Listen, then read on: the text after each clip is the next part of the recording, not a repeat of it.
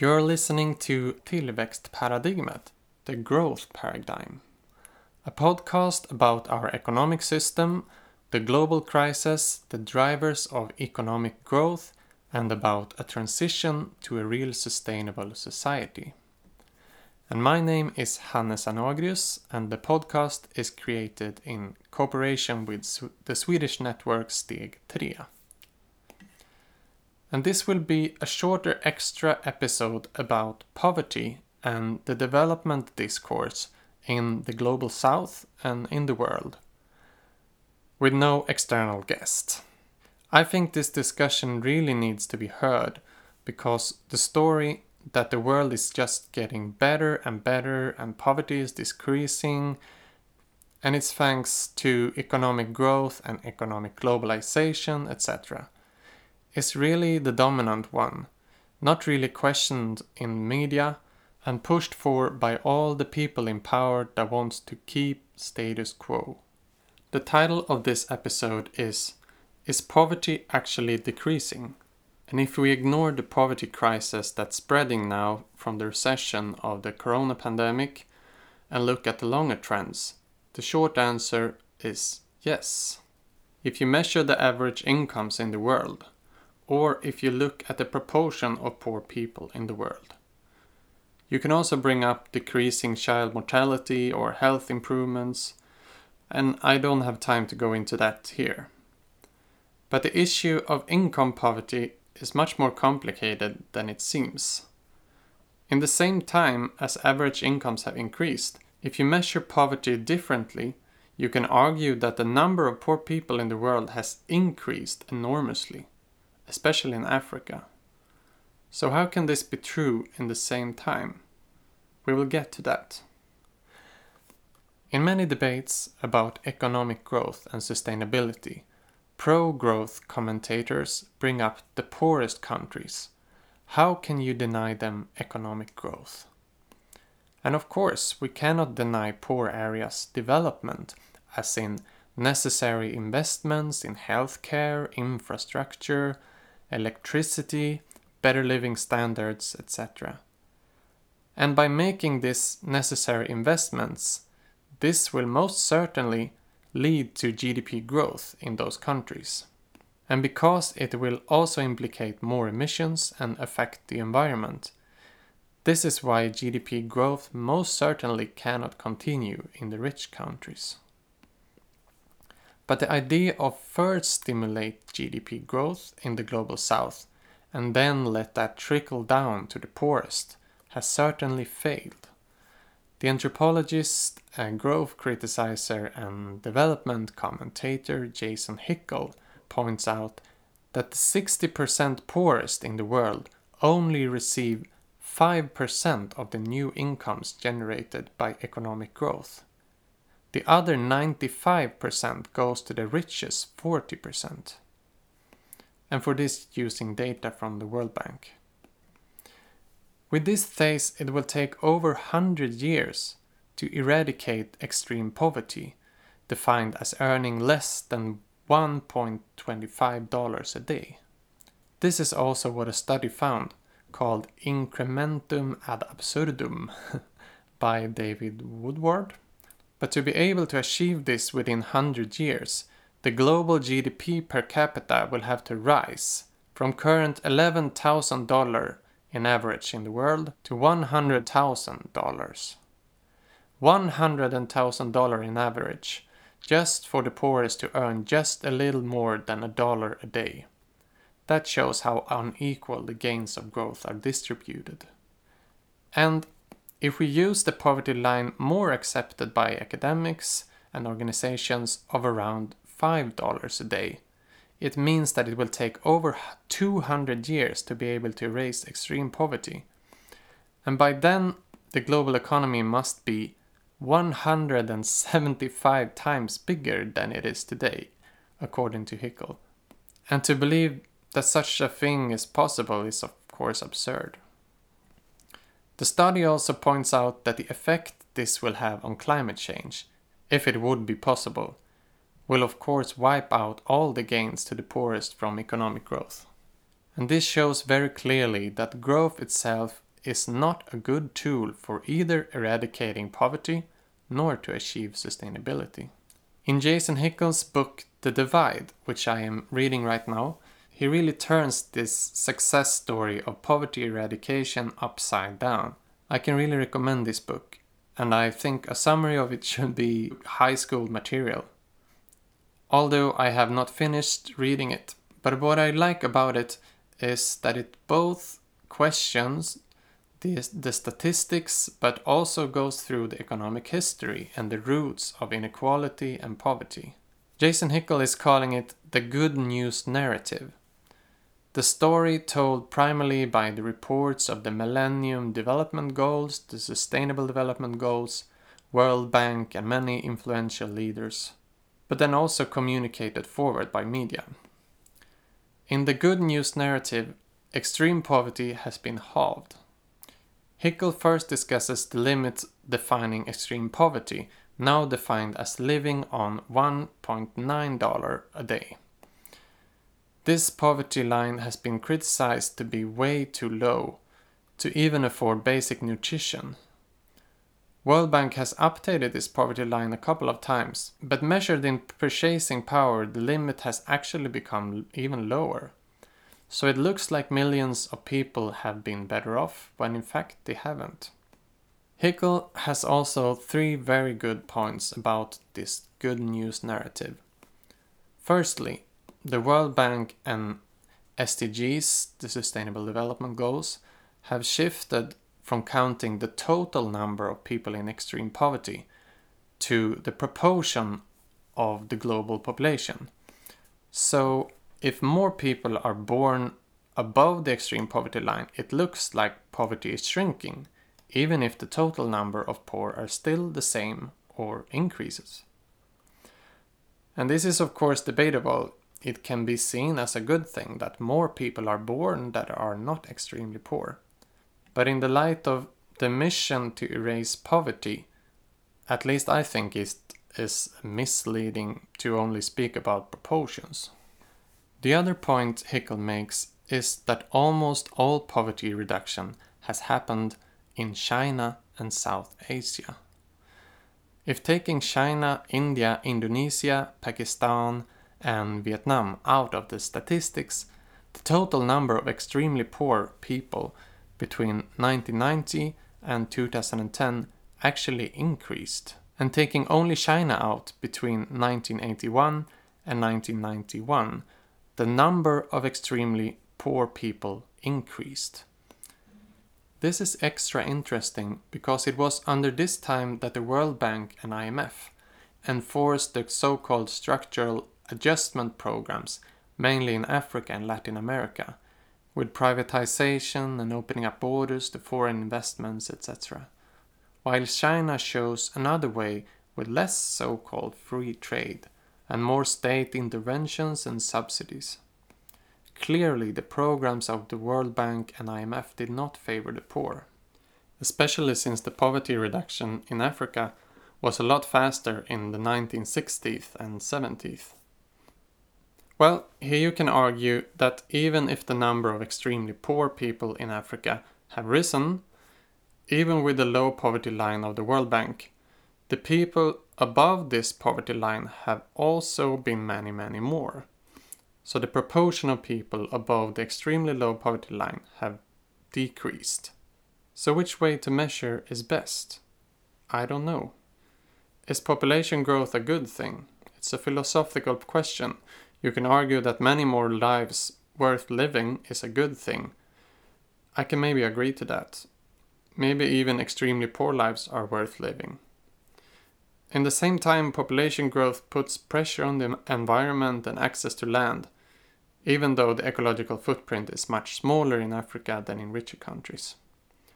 So, yes, more people are born with a higher income than before, which Hickel have been criticized for not being very clear about. But more people are also born in very poor conditions than before, which UN, World Bank, etc. could also be much more clear about, I think. The third point is that if we replace the extreme poverty line of today's $1.9 a day with $5 a day, which better reflects cost for the absolute basic needs. The total number of extremely poor has actually risen with 1 billion people from 1980. So 4.3 billion people can today be counted as extremely poor with this way of measuring. Five times more than the World Bank claims. Not much of a success story of this economic system, if you ask me. Especially when, as Kate Raworth states, it will take just 0.2% of global income to erase extreme poverty. As in the lower poverty line, then. I am, of course, aware that there are many other metrics of positive development, and I will bring that up later. But what about all the aid from the rich countries to the poor? This is a real scam that Hickel brings up and that other organizations as Oxfam have pointed out. If you compare the money coming into global south countries in the form of aid and also foreign investments to all the money flowing out in the form of profits of foreign corporations, tax avoidance, capital flights, illegal misinvoicing by corporations, repayment of loans, fees for intellectual property rights. The money flowing in are just a fraction of the money flowing out to the richer countries. And then we haven't mentioned the real value of the raw materials extracted and exported from the global south. So instead of combating poverty by growing the global economy to monstrous proportions and hence killing the planet, we could just make the global economy a little more distributive by design, and there would be no poverty.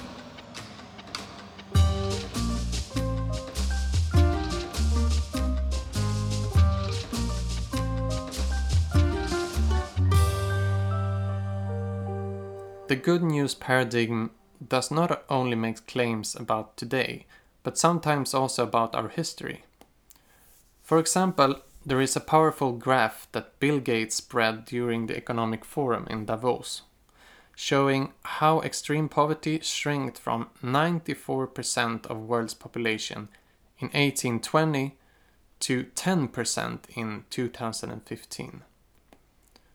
Apart from the problems I summarize with statistics today, the poverty data from the early 20th century and 19th century is very unreliable and Jason Hickel shows in an article in The Guardian that the only thing the data really shows is the shift from self sufficiency to monetary incomes, a process that was actually forced by violence by the colonial empires.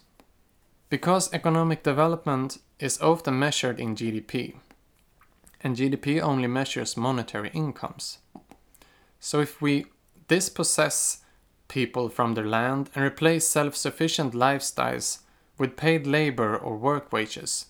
In the GDP statistics, it looks like people are better off, but in reality, they might be worse off and more dependent and vulnerable compared to a more diverse form of livelihood, where some of it comes from cultivating your own land and owning livestock, and some comes from selling goods on the market or wage working. And this was the subject of the previous episode in my conversation with Gloria Jimbaga. And this form of development, which is happening now, especially in the global south, where people are either dispossessed or not able to live off their own land because of the competition of cheaper industrial food products or because of environmental disasters created by climate change or industrial activities.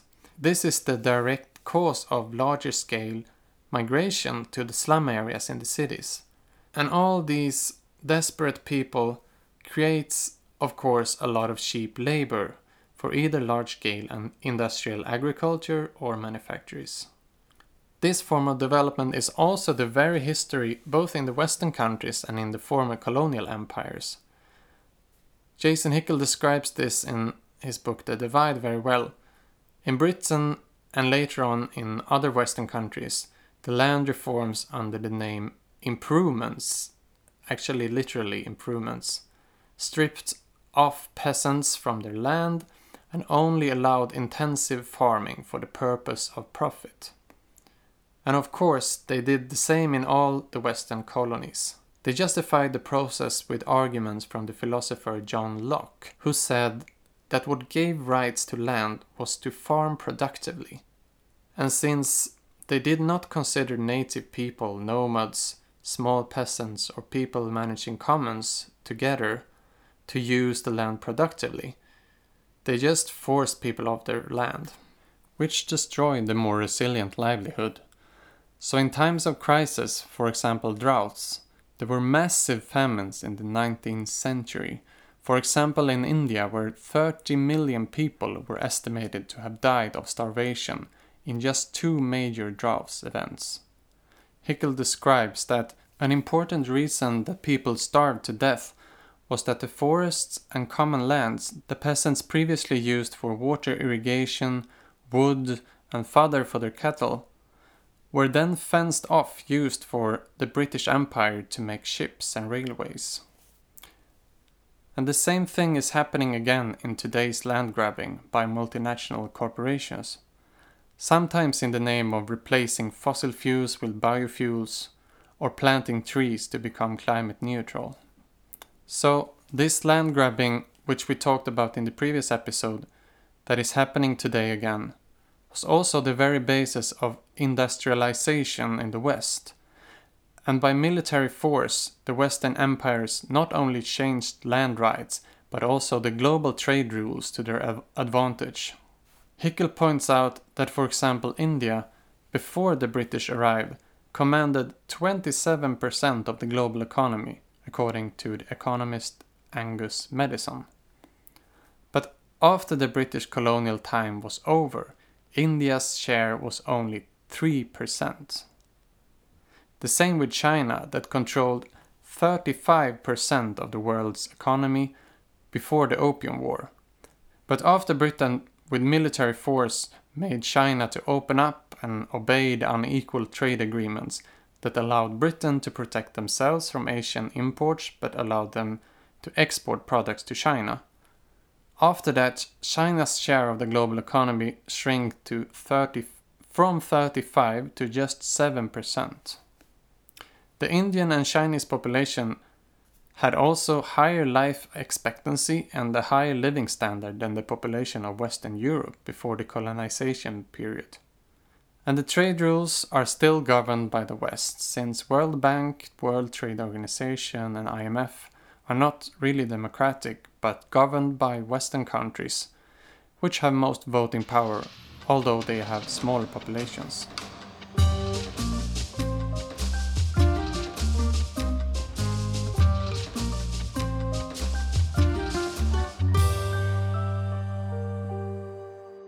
The main and massive gains colonization gave West was, as we have talked about before in this podcast, the ability to outsource land intensive production and cheap labor so that they could free up their own workforce to work in industries.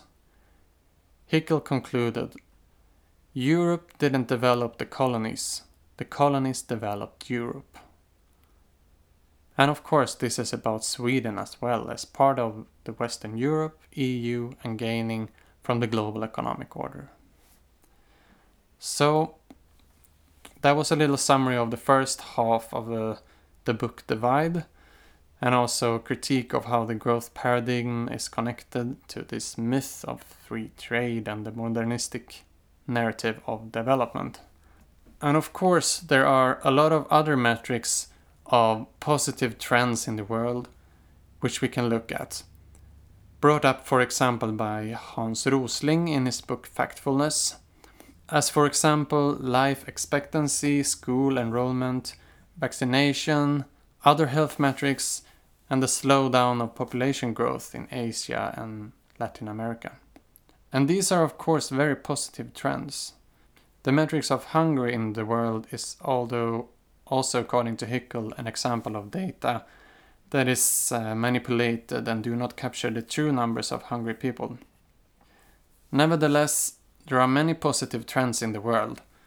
The question, however, is if we can really thank economic growth itself or the free trade paradigm for these trends, or if they happen despite it. Maybe more because of directed social investments, aid programs, new techniques, etc. There is also a lot of metrics left out in the book factfulness, most obvious the destruction of the living world and the climate, which risks to wipe out all the social gains. The brutal inequality and also the growing trend of mental illness in the world. And an issue that is almost always ignored is the welfare of other species on this planet. The extinction of wildlife or all the suffering of animals in the livestock industry. So for me, it's not clear at all that the overall development in the world is a good one. Rather, it is very complicated. And the need to reform this system has never been more urgent, as we're seeing now that the economic recession of the corona pandemic risks to put hundreds of millions more people into extreme poverty. Okay, so the next episode is going to be in Swedish and it's about one of the biggest obstacle of a sustainable economic system right now as I see it namely the way in which money is created and how the banking system works today in the digital age. In that conversation, I'm talking to Samuel Kassen Orefur, if I say the name right, from the organization Positive Money in Sweden, which have written a report about how the money system works and how it can be changed. So look out for the next episode. Bye bye.